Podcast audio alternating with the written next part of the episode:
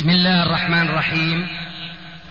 الحمد لله والصلاة والسلام على رسول الله أما بعد.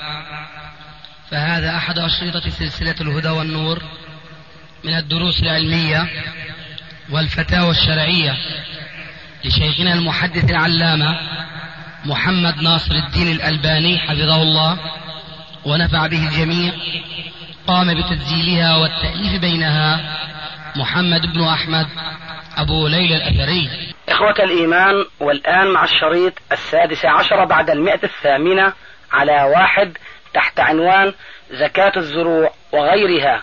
تم تسجيل هذا المجلس في اليوم الثاني عشر من ربيع الأولى 1416 هجري الموافق للتاسع من آب 1995 ميلادي. زكاة الزروع. آه، إحنا اللي فهمناه سابقا إنه العنب والزيتون في زكاة مطلقة مش الزكاة المحدودة تبعت الزروع. العنب لا العنب من الأربعة العنب بيتبع آه الأقوات يعني؟ لأنه ذكر الزبيب يعني. حتى لو لم يزبب. آه. والزيتون؟ لا. طيب ال- العسل؟ العسل في أحاديث كل عشر زقاق فيها زق إلا أنه في رأي قد يكون وجيها. أقول وأنا أعني ما أقول. قد يكون. أنا أنتقد الجماعة اللي بيقولوا قد يكون كذا. لأنه الحقيقة ما بيقولوها بدقة. فأنا بقابلهم كما تعلم. وقد يكون غير كذا. فهذا حينما أقول قد يكون أعني ما أقول يعني المسألة فيها واضح؟ آه طبعا. كويس. ف- في قول هناك أنه هذه زكاة كانت مقابل حماية المنطقة التي فيها ال- شو بتسمون دول؟ ال- الخلايا النحل يعني الخلايا. ها. مقابل حمايتها بمعنى الحاكم أو الخليفة المسلم يحمي منطقة معينة مثلا في وادي في كذا ما بيجوز واحد آخر يجي ينصب خلايا في هذا الوادي. في قول وهذا له وجاهة لكن الحقيقة أنا ما وصلت إلى القناعة التامة بحيث أنه أفتي بهذا القيد. فبقول لا ريثما يتبين لنا ال- اليقين في هذه المسألة. آه، احتياطا على الأقل إذا واحد عنده يعني مناحل هكذا بيخرج زكاة كل عشر زقاق مثلا زق واحد. لكن مع شيء من التحفظ من الناحية الشرعية للسبب الذي ذكرته آنفا. أظن كم آه كم يساوي الزق في كيلنا الحديث شيخ؟ والله هذه أمر ما ما أعرفه لا درسته. كأنه في عرف عام عند أصحابين المناحل يومئذ فيمكن هذا بحثه والوصول إليه. لكن أنا ما درسته. طب السؤال محمد كأنه الجرة. تذكر كأنه هذا. ما هو بدنا نعرف حجمها. آه. بس بغض النظر عن الحجم مش عشر؟ مقابل كل لا ما هو عشرة في. نصاب هون. بدنا نعرف النصاب. هو قلنا مقابل عشر زقاق زق. ما هو النصاب معناها عشر زقاق إيه. بدنا نعرف النصاب. الزق بلا بلا الكلام هذا وارد بس آه. عم أقول بالنسبة آه. لنا طيب شيخنا لنفرض إنه هالصناديق النحل هاي فيها شركاء ولا واحد منهم حصته بلغت النصاب؟ لا يخرج عن المجموعة يخرج عن المجموع مش إيه عن لأنه في بالحديث لا يفرق بين مجتمع ولا يجمع بين متفرق. يعني مثل مثلا أربعين راس غنم شركاء. كل واحد له خمسة له عشرة.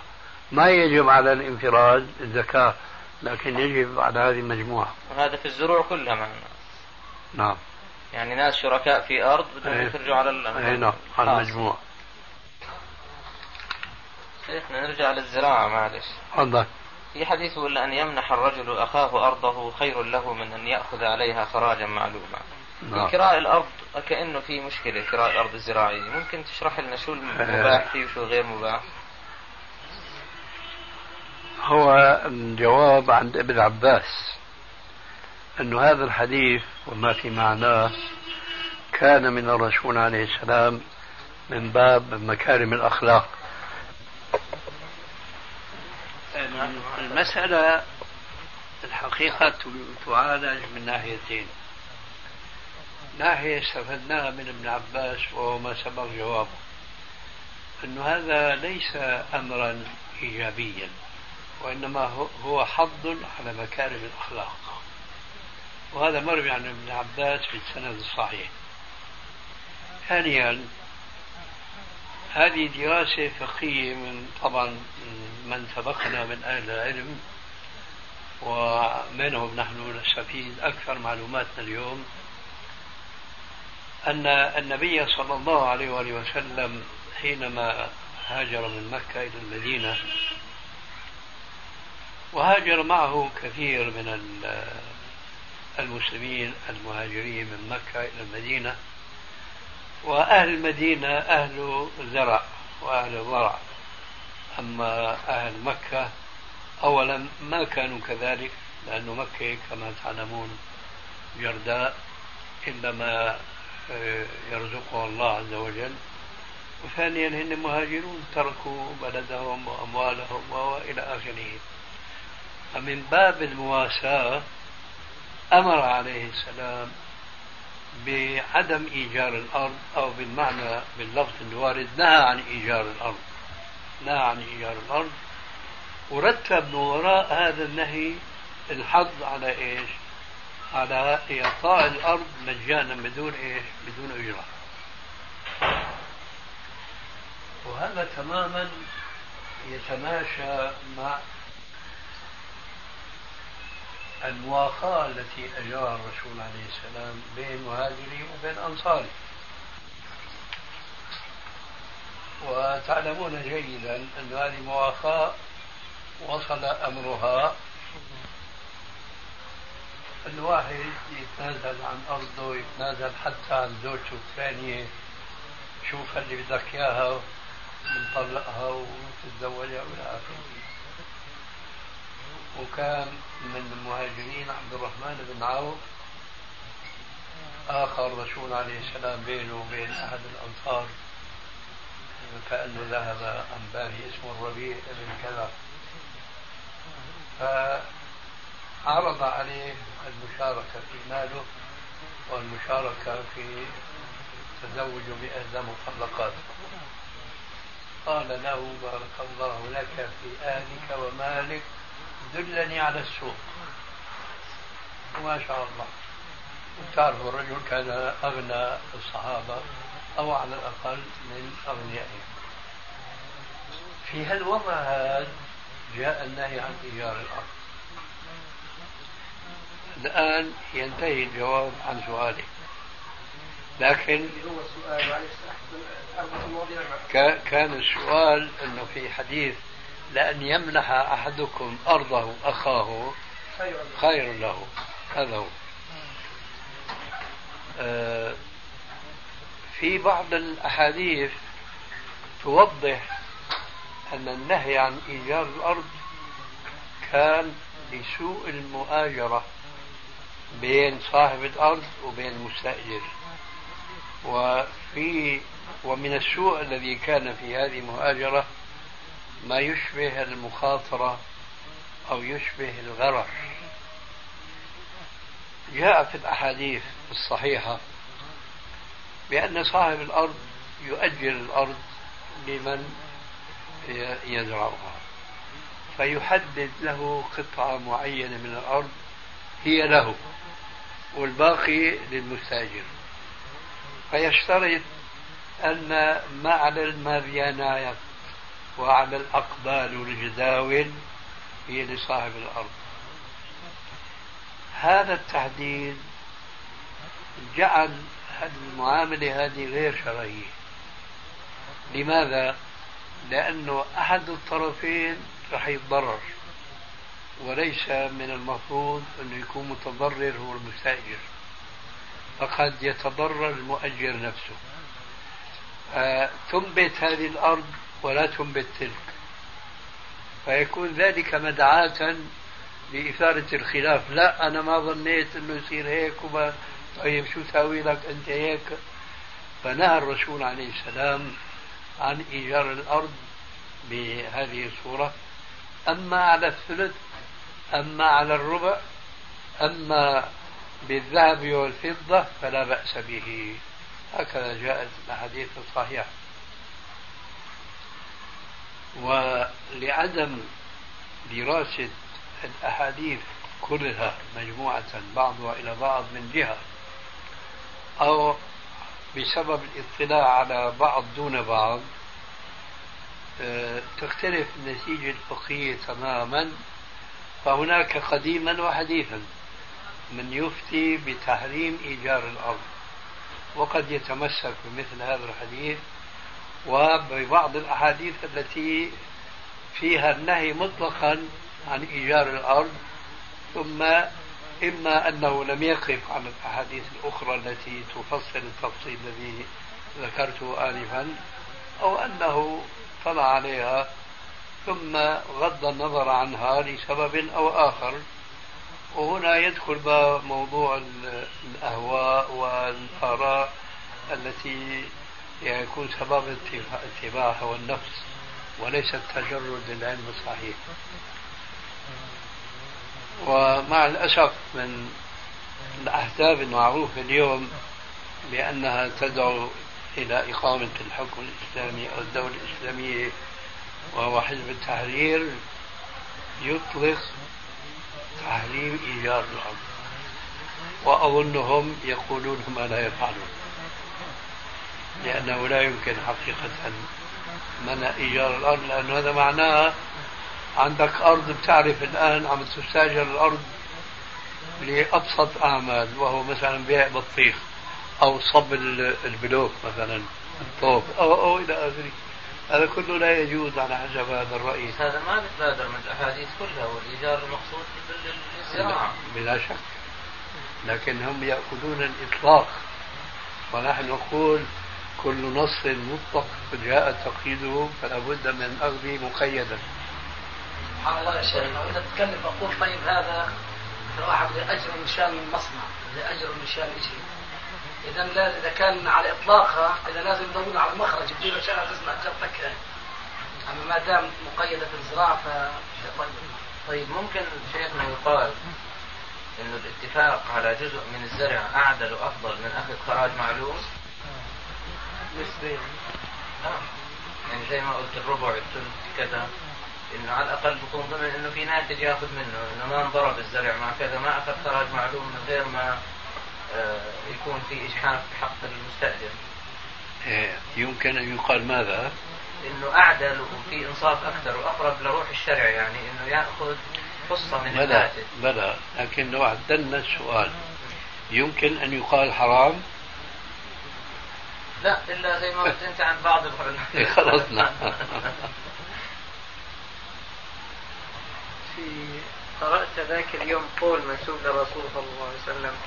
ما طرف إذا صحيح ولا لا؟ بما معناه أنه ما, ما وصف لي أعرابي قط أحببت أن أراه إلا عنترة اضرب به عرض الحائط اضرب به عرض الحائط في ظل الظروف الراهنة من تعامل الربوي في البنوك والأمور هذه وعدم إمكانية وضع الإنسان أمواله بالبنوك. يعني ببساطة جدا إيش في رأيك أنسب طريقة إذا الواحد فاضت مصاري مثلا؟ إيش الطريقة الفضلى لوضع هذه المصاري؟ فين؟ كيف تعامل معها؟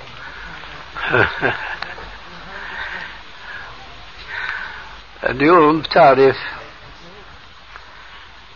في تحفظات وصناديق للمحافظة على الأموال أكثر من ذي قبل.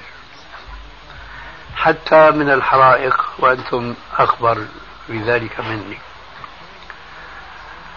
فالمسلم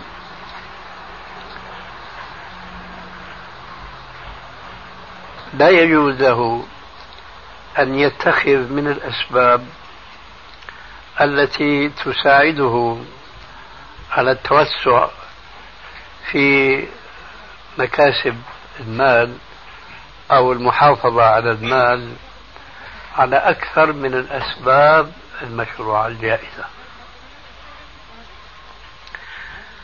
فحينئذ أنا في اعتقادي إذا اتخذ المسلم هذه الوسائل الجائزة شرعا وانضم إلى ذلك أمر إيجابي وآخر سلبي إذا صح تعبيري. الأمر الإيجابي أن يتقي الله عز وجل لأن الآية صريحة في الموضوع ومن يتق الله يجعل له مخرجا ويرزقه من حيث لا يحتسب. أما الأمر السلبي وهذا بقوله بالنسبة لمن يريدون علي مثل هذا السؤال من المبتلين بإيداعهم للأموال في البنوك الربوية. بقول وليس من الضروري أنه يضع علم أراي على بيته وخاصة في الزاوية أو في المكان الموضوع فيه الصندوق هنا كنز مفهوم هذا الكلام. إذا إذا اتخذ السببين الشرعيين السبب الأول السبب المادي كصندوق مثلا وصناديق في هذا المجال متنوعة وتوكل على الله عز وجل فالله خير حافظا وهو أرحم الراحمين. ولا يرد حين ذاك بأي وجه من وجوه أنا بخاف على مالي أنا بخاف على نفسي. هذا لا يقوله مسلم أبدا. مسلم لا يقول هذا الكلام. وهذا لن يعيش المسلم على وجه الأرض إلا وهو يرتعش كالريشة في الريح العاصف سبحان الله. آه إسلام أنا كأني فهمت من بداية حديثك فهمت غلط أتصور في النهاية تفسر. كنت أعتقد أنه إذا فاض عند مبلغ أنه ما يجمده في شكل نقد. في؟ على بنقد إنه يحاول يحطه في مثلا يشتري في أرض هذا. لا مو شرط. مو شرط. هذا جائز وهذا جائز آه يعني فيش لأنه كنز المال المحرم هو الذي لا يخرج زكاته. وكل مال أخرج زكاته فليس بكنز. يعني الوعيد الذي ذكر في القرآن الذين يكنزون الذهب والفضة إلى آخره إنما هو في الكنز أو المال الذي لا يخرج صاحبه زكاته. لأني قرأت قول الزهري شيخنا بقول لأن أموت عن عشرة آلاف دينار يحاسبني الله عليها أحب إلي من أن أسأل الناس. أي والله. سؤال الناس ذل ولو أين الطريق؟ آه، في فارق بين احتفاظ الإنسان بأوراق نقدية واللي يفضل يحتفظ فيها بصورة ذهب مثلا. لا بصورة ذهب. بصورة ذهب. لأن الأوراق النقدية مع الأسف اليوم يقامر بها. إذا إذا دخل المأموم والإمام قد ابتدأ في الصلاة الجهرية. ما يقرأ ما يستفتح. إذا كانت الصلاة صامتة. إذا كان صلاة غير جهرية غير جهرية. هنا لابد من تفصيل. من الاجتهاد. وأنا اغتنم الفرصة عشان أرمي عنصرين وحنروح بقول أنا بتعجب من الناس اللي بيقولوا باب الاجتهاد هو. باب الاجتهاد مفتوح حتى للعوام. حتى للذين لا يقرؤون ولا يكتبون. لا يمكن أن يحيا الإنسان إلا بفتح باب الاجتهاد. ولكن لكل مجاله آه. الآن هنا. بقول لابد من الاجتهاد. مثلا في فرق بين مقتدي اقتدى وراء الإمام آه، فور تكبيرة الإمام تكبير التحريم. وبين إنسان اقتدى بعد فرصة زمن إلى آخره. وصور تتعدد هنا كثيرا ما في حاجة للتوسع في ضربها وذكرها. فالآن هنا نقول هو يجتهد فإذا غلب على ظنه أنه يستطيع أن يجمع بين دعاء الاستفتاح وقراءة الفاتحة جمع بينهما. لا ما بيقرأ دعاء الاستفتاح وبيقرأ الفاتحة لأن حكمها أقوى من حكم قراءة دعاء الاستفتاح استكمالا طبعا إذا كان دخل هو لا, لا يعلم متى بدأ الإمام فقرأ بالفاتحة. ركع الإمام وهو قدر أنه يعني قد لا يستطيع أنه يكمل الفاتحة قبل أن ينهض الإمام فيقطع. جزاك الله خيرا. وإذا أساء التقدير عكسيا. يعني قرأ الفاتحة. بيعوض عن الدعاء الاستفتاء بأن يقرأ سورة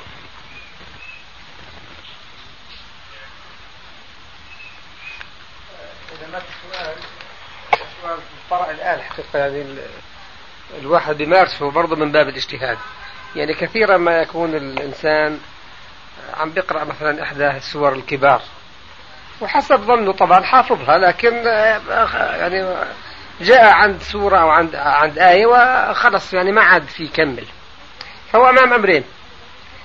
أو أم يعني أمام ثلاث أمور. إما أنه يقطع وبالتالي يركع أو أنه آه الآية اللي مش عارفها يعني يقفز عنها يتجاوزها. ويأتي من نفس السورة اللي عارفها أو أنه إذا كان يعني باعتقاده أنه ما قرأ كثير أنه ينتقل إلى سورة أخرى. فيعني التفصيل في الثلاث حالات يعني أيهما أفضل و... خيرها الثانية والثالثة. الثانية والثالثة اللي هي أنه يكمل من نفس يتجاوز. الذي لا يستطيع. ولا يقطع القراءة ويبكى لأنه يخسر. الأجر جاء من قول عليه السلام من قرأ القرآن فله بكل حرف لا أقول ألف لام ميم حرف بل ألف حرف لام حرف ميم حرف. فإذا تيسر له متابعة القراءة في نفس السورة مع تجاوز الآية هذا حسن. يا سيدي وإذا ذكرها إذا تذكرها بعد أن تجاوزها. السلام ورحمة الله وبركاته. فاته الركب. قراءة سورة الحمد لله.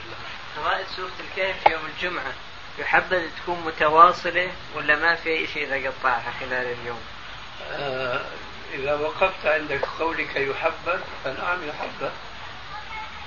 لكن يجوز أن تقرأ على فترات. إذا لم يتيسر له المتابعة لأن الأصل المتابعة. شيخنا كان سمعت قول في إذاعة القرآن في حديث عن إساءة الظن وإحسان الظن.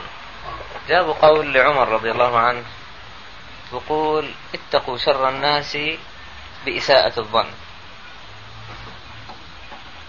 يعني كأنه الأصل أنه الإنسان يسيء الظن مش يحسن الظن بالناس حتى يثبت العكس.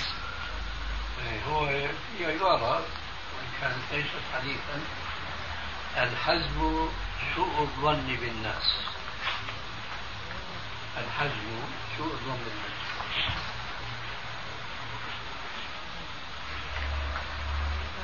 طب شو الضابط الشرعي من حيث إحسان الظن وإساءة الظن بالناس؟ الحزم الاحتياط في تعاملك مع الناس أن تسيء أن تعاملهم وأنت حينما تعاملهم وأنت تسيء الظن بهم حتى لا يغدروا بك ولا يستغلوك. لا قلنا أنه ليس بحديث. وهل أنت تميل إلى هذا الشيء؟ لا هذا ليس من مبادئ الأخلاق لكن أردت أن أجيبه أنه هذا يختلف اختلاف العصور. الأصل هو كما قال تعالى في القرآن ها؟ إن بعض الظن إثم وكما قال عليه السلام إياكم الظن فإن الظن أكذب الحديث لكن حقيقة أن المقصود بالظن المذموم هو الذي يقترن العمل بمقتضاه. هذا هو. يقتضي يقترن العمل بمقتضاه. أما أنت تسيء الظن ولكن لا تسيء العمل مع من أسأت الظن به خاصة في الزمن الفاسد ما بترتب عليه أي شيء. أنا أدركت لما قلت لي تختلف بما معناه أي نعم. في زمن لا كل الناس بتتعامل بالربا الله أكبر. فبالتالي أي معاملة الان عليك إنك أنت تشك انه فيها دخل أو شيء من النوع حتى تتيقن عن أنه ما فيه. أي نعم. كيف بنوفق بين هذا الكلام والحديث اللي معناه أعرضوا عن الناس فإن من ابتغى الغيبة في الناس أفسدهم أو كاد يفسدهم؟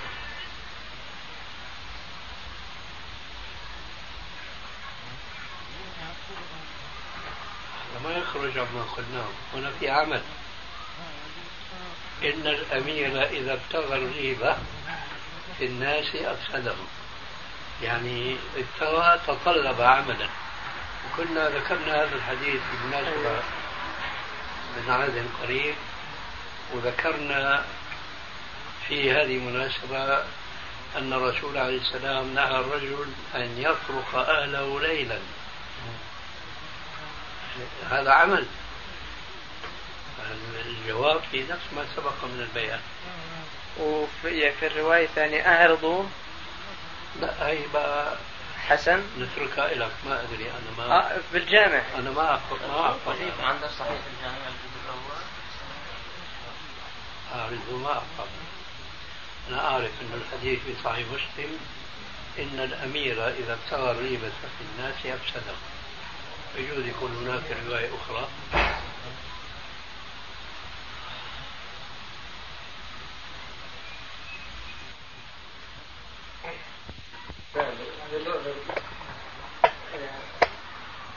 يعني إحنا في في حياتنا اليومية. دائما إحنا في هذا الحديث. ونحاول ما أمكن إنه نحكي مع الناس لعل وعسى إنه يعني نسحبهم إلى دائرة الطاعة. نعم. وبيحصل الحمد لله في كثير ناس تلتزم. لابد. لكن في اساليب تتنوع أساليبنا. يعني أنا كثير من الناس الآن الحمد لله رب العالمين ابتدأوا يصلوا سواء من باب المحاكاة سواء من باب الكذا يعني بحسوا إنه ممكن يكون واحد وظيفة كبيرة وإنه ممكن يصلي يكون عابد طائع. فهذا الحكي يقرر يعني يقرب له بيبتدوا الأول يعني قد يبتدأ الأمر بنوع من التقرب إلى الشخص لكن ينتهي بطاعة كاملة إلى الله سبحانه وتعالى بعد أن يتلذذ بحلاوة الإيمان. ففي حديثنا عن الحقيقة يعني دائما نركز وهذا أريد أنا حقيقة فتوى يعني صريحة حتى أرتاح فيها. يعني دائما النظرة للمسلم أو هم بيفترضوا الإنسان اللي المسلم أو اللي بيصلي هم دائما مقرونة لدى الجميع لدى المسلمين حتى اللي ما بيصلوا إنه الإنسان اللي بيصلي هو يعني الكمال. فبتلاقي يعني بدهم زي ما محمد بيقول إنه بدهم إذا واحد بربي دقنه بيصلي معناته يعني يكون خالي من الكذب وهذا الحكي ما بيصير. لذلك يعني أنا اللي اثار السؤال إنه قد يكون الإنسان ملتزم وبيصلي لله فعلا وطاعة وفي خشوع في صلاته ويقرأ القرآن طاعة لله ويتعلم التلاوة طاعة لكن عنده نقيصة. يعني أصلا يعني نزلت الأحكام حتى والقصاص لأنه في الناس نفس اماره بالسوء فهناك. ففي حديثنا مع الآخرين يعني نرى كثير من العادات المتمكنة فيهم زي ما كانت متمكنة فينا ولا نزكي أنفسنا على الله لكن من التجربة وجدنا أن الحمد لله بدأ الإنسان يتخلى شيء فشيء فشيء ولكن ما زالت كثير من العادات المذمومة أو غير آه، المقبولة شرعا متمكنة فينا. متحكمة نعم. متحكمة. ومع ذلك يعني لا نستطيع أن ننفي عنهم ولا عن أنفسنا أنه نحن مش في طاعة رب العالمين. يعني وخليني أقول أقل الشيء الواحد بيعترفها. والله أنه نستغيب الناس نحن. ونعرف إنه الاستغاثة من أكبر الكبائر يعني الآن فيها تغريض ونستغيب الناس. صحيح. هاي نقيصة. كذلك نوع من الإسراف نمارس هذا الإسراف. كمان هاي يعني واحدة من, من الأمور. لذلك في حديثنا مع الآخر يقول يا إخوان يعني إحنا ما بنقول لكم إنه أنت الآن المشروب حلال بالعكس هي واحدة من الكبائر. لكن إذا أنت مبلي في معصية معينة صلي لأنه إذا أنت ما صليت كتبت عليك معصية وأنت خارج. كده ومع ذلك يعني لا نستطيع أن ننفي عنهم ولا عن أنفسنا أنه نحن مش في طاعة رب العالمين. يعني وخليني أقول أقل الشيء الواحد بيعترفها والله أنه نستغيب الناس نحن. ونعرف أنه الاستغابة من أكبر الكبائر يعني الآن فيها تغريض ونستغيب الناس. صحيح. هاي نقيصة. كذلك نوع من الإسراف نمارس هذا الإسراف. كمان هاي يعني واحدة من, من الأمور. لذلك في حديثنا مع الآخر يقول يا إخوان يعني إحنا ما بنقول لكم إنه أنت الآن المشروب حلال. بالعكس هي واحدة من الكبائر. لكن إذا أنت مبلي في معصية معينة صلي لأنه إذا أنت ما صليت كتبت عليك معصية وأنت خارج عن طاعة الله وإذا أنت شليت كمان كذلك نفس الشيء. تمام. لكن ما بيجوز أنت الآن أنه تترك الصلاة. فأقم على الصلاة وإن شاء الله أن الصلاة تنهاك في يوم من الأيام عن هذا الأمر. وهلما جرى حتى نحدد هذا الأمر لهم هل المسلك هذا أو الطريقة هاي يعني البعض يعتبر إنه لا يا أخي اكتمل الدين والإسلام كامل فيدخلوا في السلم كافة وإنه الرسول صلى الله عليه وسلم قال اليوم آه، أكملت لكم دينكم وبالتالي إنه على الإنسان الذي يصلي أن يكون قدوة للاخرين وأن لا يسلك مسلكيات غير طيبة. طيب هل هو كذلك؟ هل هو كذلك؟ البعض هذا هل هو كذلك؟ طبعا لا بس يجب أن يكون الله أكبر. هنا أردت أن أذكر حديثا بالنسبة لكلامك ثم ذهبت الخاطرة إلى حديث آخر بالنسبة لكلام صاحبي هذا. قال عليه السلام لو لم تذنبوا لذهب الله بكم ولجاء بقوم يذنبون فيستغفرون الله فيغفر لهم. لو لم تذنبوا لا بعث الله قوما يذنبون فيستغفرون الله فيغفر لهم. شو معنى هذا الحديث؟ معنى هذا الحديث أن الله عز وجل الذي صرح في القرآن الكريم بأنه خلق الإنسان في أحسن تقويم. لم يخلقه ملكا معصوما. لا يعصون الله ما أمرهم ويفعلون ما يؤمرون. وإنما خلقه بشرا آه، له عقل وله نفس وله شهوة وله إرادة. فهو يعيش بين هذه الخصال التي مكنه الله عز وجل بها أو فيها ليطيع الله عز وجل ليس في آه، حدود العصمة لأنه لا عصمة بدلالة هذا الحديث. يعني ربنا لا يريد من الناس أن يكونوا معصومين ولا راد لإرادته ولقضائه لكنه يريد منهم أنهم إذا أذنبوا أن يستغفروا.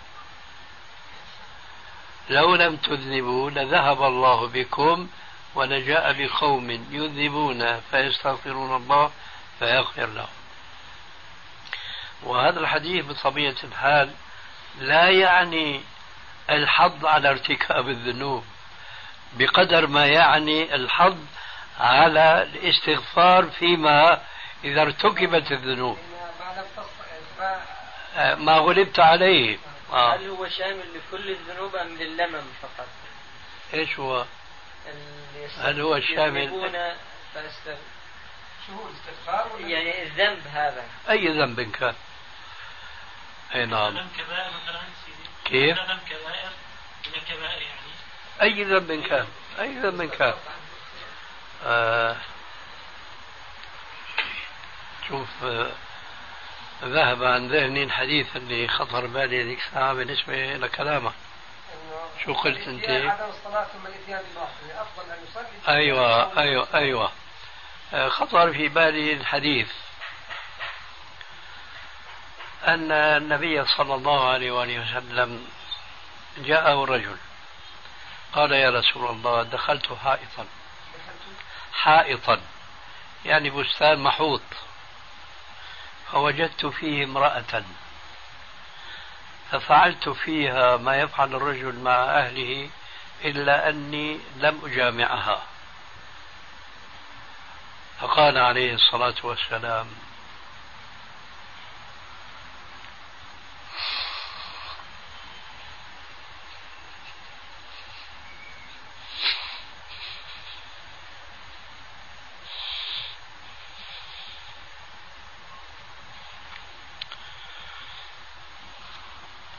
هل صليت معنا؟ صليت معنا. قال نعم. فأنزل الله.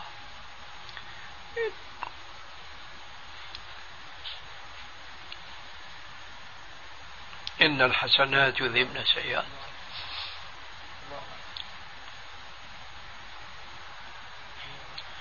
ولذلك فقولك للرجل بالإضافة أنك تفعل تشرب كذا.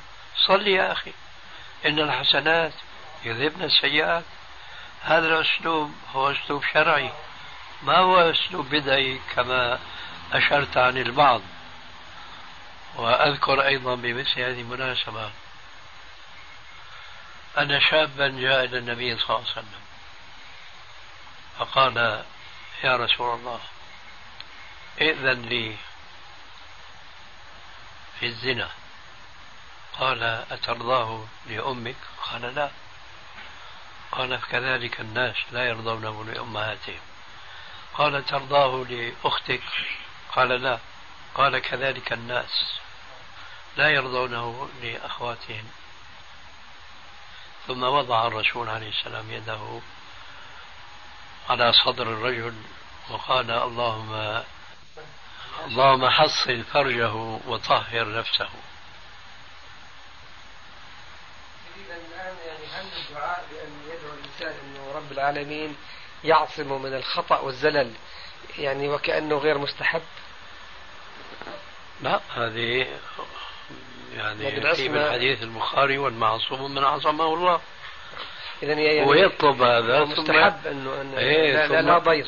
ثم يأخذ من ذلك ما يتناسب مع بشريته كما قلنا آنفا جزاك الله خير والله إنه يعني ما في شك أن ما أثار عندك هذه الحاله الروحانية إنه رحمة رب العالمين كيف هذا الإنسان يعني يأتي بالأمر ال- الجلل. الله أكبر. ي- صلاة واحدة. الله أكبر. فتزيل كل هذا الأمر. وهذا من رحمة رب العالمين على عباده وإلا الناس يصيبها قنوط. أي والله. وهذا ما يضيقون عليه في الناس الآن. يعني الآن نحن نتحدث مع مع الذين يتبنون نظريات وأحزاب وكذا يا أخي شوف المسلمين شو بيعملوا. يا أخي كذا هذا راح الحج راح الدوم رجع من شاء وبها المعنى وكأنهم يريدون من الذي يصلي أو يحج أو كذا إنه ي- أن يصبح كاملا. فنحن نقول لهم يا أخي أنت كن مسلم انت أنت مسلم فكن أنت كاملا وكن أنت قدوة لنا أي نعم. إذا هذا الإسلام اللي هم بتبنوه مو عاجبك كن أنت كن أنت خير. منه. صحيح؟ نعم. حديث إن المؤمن خلق مفتنا نسيا. اي والله. الله أكبر. إذا ذكر ذكر. ذكر. وإذا إيش إكماله مش متذكر ما بس. في له إكماله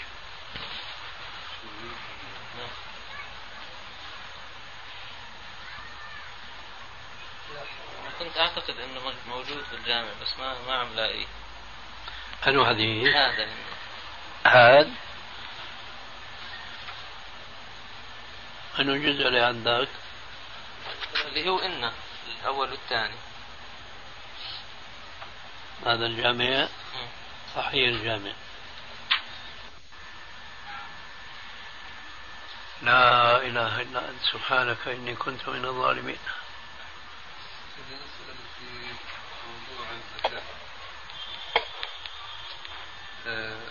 بشكل عام فهمناه أنه إذا كان هناك آه، رأس مال موضوع في تجارة أو في عمل وهذا تحول إلى بضاعة أو إلى شيء أنه يخرج من الربح الذي ينتج عن ذلك في حين كل سنة أو الآن في نوع آخر من الاستثمار مثلا. عفوا قبل المضي في السؤال. الربح الذي يخرج عنه هو إذا كان يعني ضم إلى المال الذي لديه وبلغ النصاب هذا شيء آخر. لكن نحن نقول بشيء آخر أيضا وهو أن هذه البضاعة التي كان أصلها نقودا ثم تحولت إلى تجارة إلى عروض تجارة يخرج من أعيانها زكاة. أظن هذا تعرفه. لا. هذا كنت قد سجلت عنك. وكاتبها عندي وأتصرف بهذا ال- وحتى أكون دقيق. الله أعلم عنك وعن أبو مالك. ولكن لا يعني لا أذكر التسجيل اللي أنا كاتبه في دفتري. إذا كان ما أخذته عنك مباشرة أم عن أبو مالك. ما بهم فلكن الأصح أني أخذه عنك. أنك قلت لي أن المال نتيجة أن الربح من هذه التجارة يضاف إلى رص... إلى إلى أموالك. وإذا بلغ فإذا بلغ النصاب فأنت تخرج زكاته. أما البضاعة التي المال الذي تحول إلى بضاعة وأصبح بضاعة فقلت لي أن أخرج عنه صدقة. ولا تكون وليس بالضرورة أن تكون 2.5% ولكن هذا ما يخالف ما قلت آنفا لا لأنه هلا قلت من عينها وزكاة. إيه. شو الفرق بين صدقة والزكاة؟ نحن نعني صدقة واجبة لا يعني. خلاص إذا كان إذا طيب. كان أنت تعني الصدقة الزكاة طبعا. لا أنت هون يعني هي نعني زكاة إن شئت قلت زكاة إن شئت قلت صدقة. نعني صدقة واجبة. ثم غير مقننة ولا محددة وإنما بما تجود به نفسك. إذا معناته أنا هون التفريق لا هون في تفريق. لأني أنا كنت أعتبر أن ما أخرجه صدقة عن هذه البضاعة هذا واجب. لا أن ما أخرجه صدقة عن هذه البضاعة وأن الآن يعني تحديد قيمتها متروك إلى مصارف أخرى غير مصارف غير مصارف الزكاة. لأن إذا اعتبرت صدقة فأنا جزء يستط- أستطيع أن أتصدق به للمساجد. بينما الزكاة لا ت... لا يعني لا لا, ت... يعني لا تخرج زكاة لبناء مسجد. مكانك رايح الصدقة إذا قصد بها الواجب منها فمصارفها معروفة. والصدقة إذا قصد منها أو بها غير الواجبة فهو كما تقول أنت. وأنا حينما أقرر بأن عروض التجارة ليس عليها زكاة مفروضة كما يقولون أن على التاجر أن يقوم تجارته في آخر كل سنة. بلغت مئة ألف مثلا فكل مية عليها اثنين ونص كما لو كانت نقودا. هذا نحن لا ندين الله به. هذا لا. التقويم. لا. لا ندين الله به. لا لا لا, لا, لا, لا ندين لا نتبناه لا نتقرب إلى الله به. نعم، نعم. آه. لكننا نقول كل تاجر مكلف أن يزكي هذا المال بما تجود به نفسه إعمالا للنصوص العامة. إعمالا للنصوص العامة. لكن المرابح التي آه، كانت من آثار هذه التجارة وضمت إلى رأس المال هذا له حكمه. علم. الآن سيدي بس معلش أنا لأنه ب- يعني استكمالا لسؤالك. تفضل. ال- الآن أنا في تجارة مع بعض الناس. هم لا يريد هم لا يريدون أن مع أني أنا المسؤول عن هذا المشروع. هذه مسألة أخرى. فلا لا. لا خليك هلا آه. آه. آه. هم لا يريدون هم يقول لك أنا أنا أموالي بتعطيني أرباحي بتعطيني إياها وكذلك بضاعتي. بضاعتي أنا اللي أنا بطلعها بالطريقة اللي أنا بدي إياها أنا حر أنا كذا إلى آخره. بلى يعني ما أفعله أنا إني أنا بشوف قديش حصتي من هالبضاعة و- وأتصرف هذا التصرف هذا جائز. بلى جزاك الله نعم. نحن كنا في موضوع مع أبو محمد أنه شركاء في مال تجب عليه الزكاة. هذا المال بلغ النصاب لكن بالنسبة للشركاء كل واحد ما يبلغ حقه من هذا المال النصاب. فهل يجب الزكاة على هذه المجموعة من المال؟ يعني أربعة أشخاص مشتركون في أربعين راس غنم. عليهم زكاة معروفة. آه، لو كل واحد بياخذ حصته بيطلع له عشرة. ما يجب عليها الزكاة فالأربعين المجموعة لهؤلاء الشركاء يجب عليها الزكاة. هنا الآن في الصورة هذه غير صورتك أنت الجواب إنه يجب. أي نعم. قبل أن تتفرق. أيوة. وذكرنا بحديث أن الرسول عليه السلام قال لا يفرق بين مجتمع ولا يجمع بين متفرق هاي إذا في الإسلام ما يسمى بالشخصية الاعتبارية الآن العلوم الحديث إيه. الشخصية الاعتبارية يوجد شخصية اعتبارية. لها ذمة مالية هذا ما تقول عنه. الآن قبل أن توزعها هناك شخصية اعتبارية ثم شركة على كل حال هذه اصطلاحات لكن نحن نقدم الشرع فبالنسبة لما تفعله أنت أنت عندك عروض تجارة ومعك فيها شركاء. هذا الربح الذي ضمنته إلى رأس مالك ما له علاقة بالمجتمع من المال ما له علاقة. آه.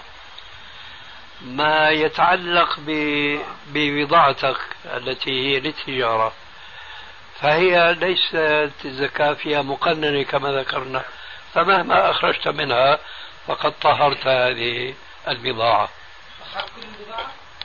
بضاعتك أنت حصتك يعني حصتي أنا. إيه طبعا. استنكافهم عن الأمر فأمرهم إلى ربهم هنا نعم. جزاك الله خيرا. هذا على الرغم من أنه بضاعته غير معرف أو معرض.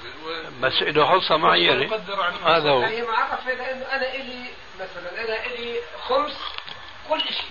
اي نعم. هي معرفه بس مش معروف إنه هاي لك وهي لك هي معلش مش مطلوب تعليم. اي نعم. المهم إنه طبعا هذا الحكي يكون بالقيمة مثل ما يكون بالعين. يكون إيش؟ بالقيمة. مثل ما يكون بالعين.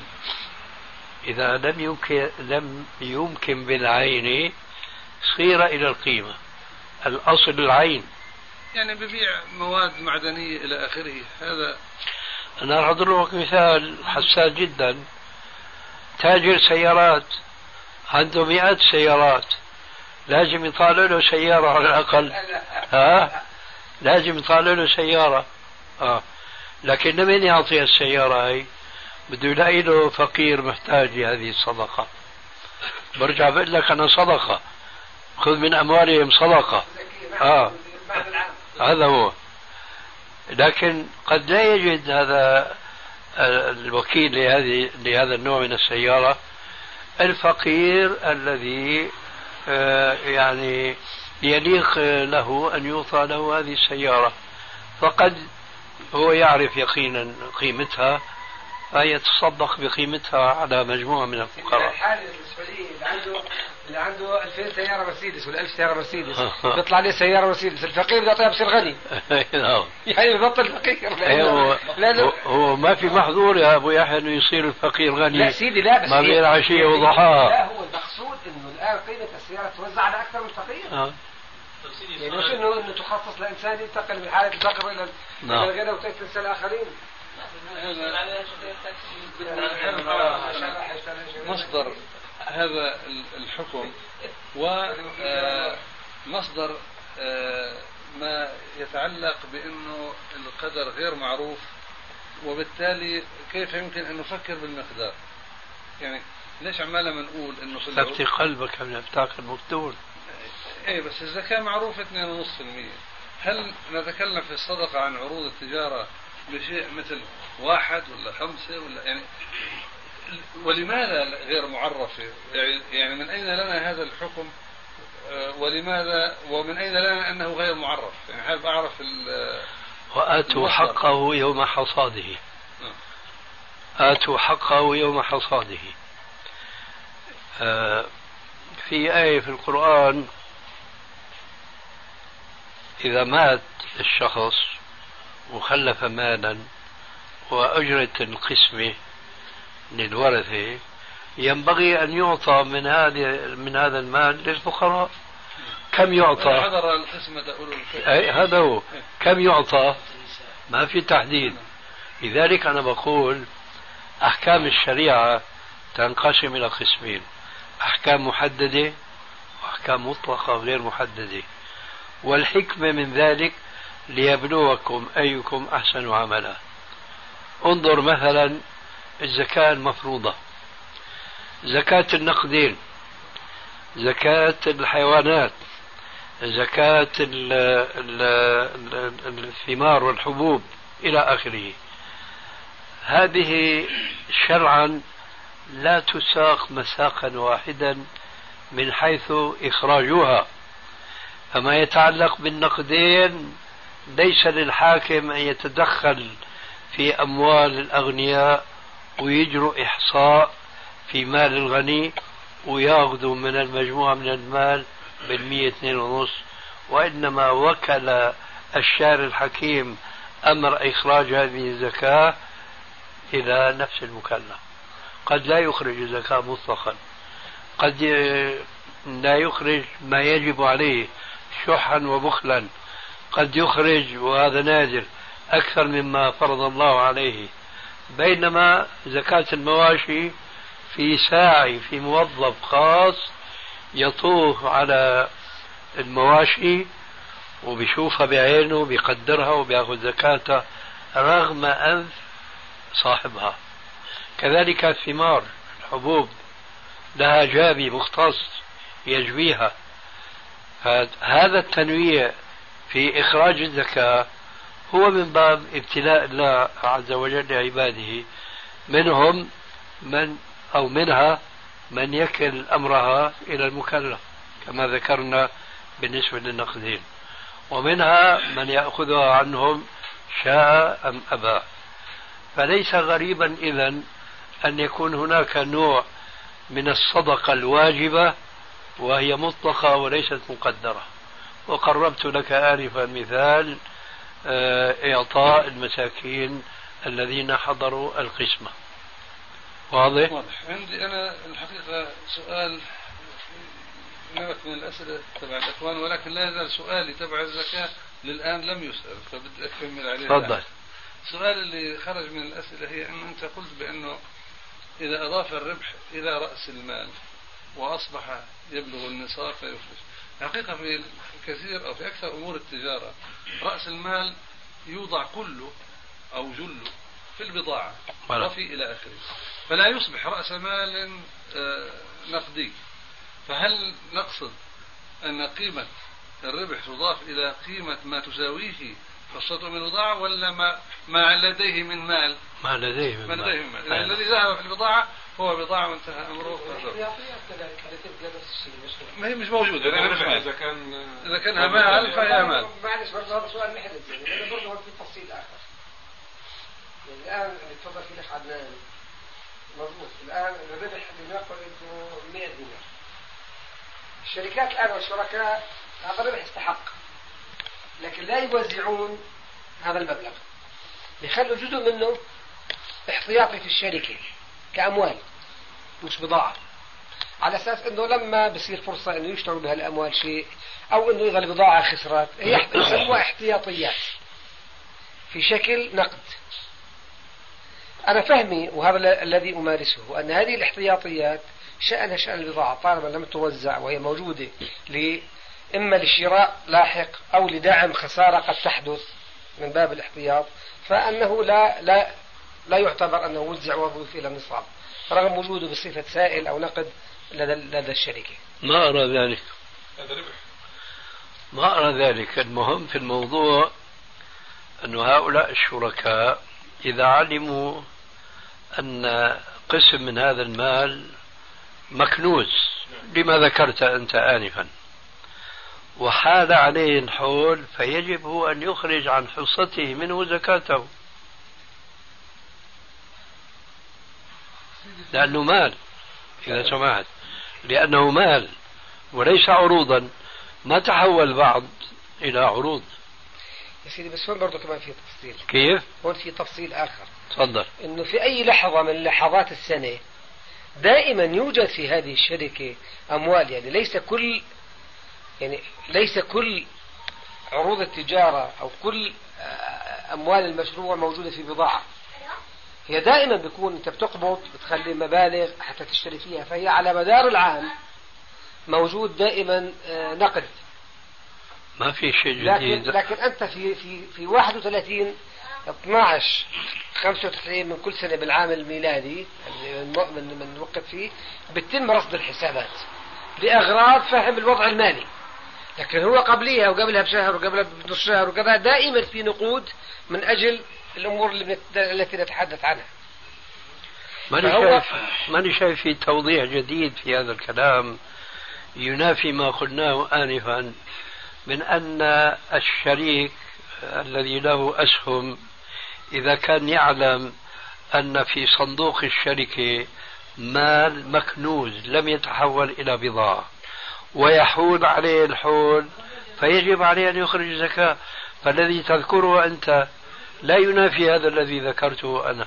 لا هو لا ينافي لكن بمقدار أنه لا يمكن على الإطلاق أن, أن, أن تقدر أن هذا المال حال عليه الحول. ليه؟ لأنه هذا المال زي ما أنا حكيت أنه في الشركة يأتي ويذهب. يعني في أحد ال... يعني في أحد الأيام ما في أموال على الإطلاق وبأيام أخرى في كثير. فالفكرة أنه مبدأ أن يحول الحول دائما هي عمرها ما تتحقق. لكن كأنه في شيء وأنا طبعا لست خبيرا بواقع هذه الشركات لكني أستبعد ذلك عقليا.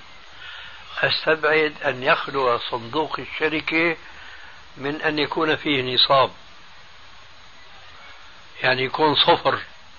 أستبعد هذا جدا. موضوع الحول نعم. موضوع الحول لا لا قبل كل شيء. قبل ما ننتقل للحول لا سيدي استبعد. ليه؟ لأنه شركات معظمها أنا 99% منها مديونة وتأخذ البنوك فنحن نتحدث يعني الحقيقة نحن الشركة اللي بتتحدث عنها إن شاء الله أنه شركة لا تأخذ بنوك. بس الحقيقة الآن 90% أكثر حتى من الشركات. مو أنه ما في لا حتى ملحوقة. لكن الشركة التي نتحدث نحن عنها لا كلامك سليم. مستبعد أن طيب أنا أنا بيهمني الواقع الذي نحن نتحدث عنه الآن. نتحدث عن شو هو واجبه؟ إذا نتحدث عن شركة موجود فيها نصاب للشركة وليس للأفراد يعني كمان لا نجزئ.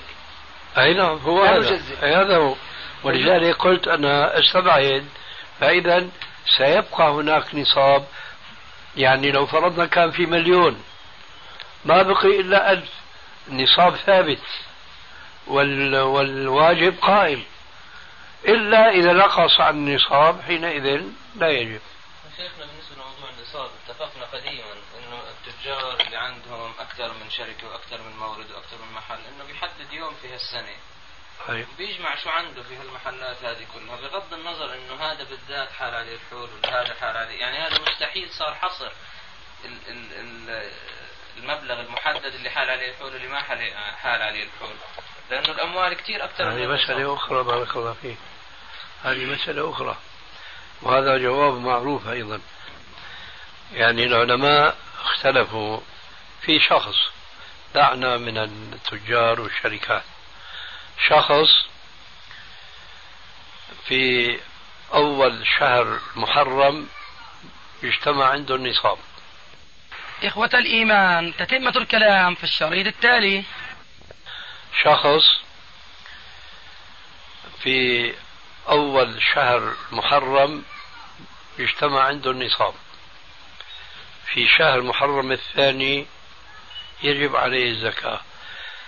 أثناء ما بين محرم ومحرم جاءته نصب. جاءته نصب. وضمت هذه النصب إلى النصاب الأول. في آخر السنة يعني في رمضان في محرم الثاني. هل يخرج عن نصاب؟ اللي مضى عليه الحول؟ وبغض النظر عن الأنصبة التي لو أراد أن يحدد أنصبتها يمكن يجتمع عنده عشرات الأنصبة طيلة السنة فهل يخرج عن مجموع هذا المال الذي توفر عنده أم كل نصاب له حوله قولان للعلماء؟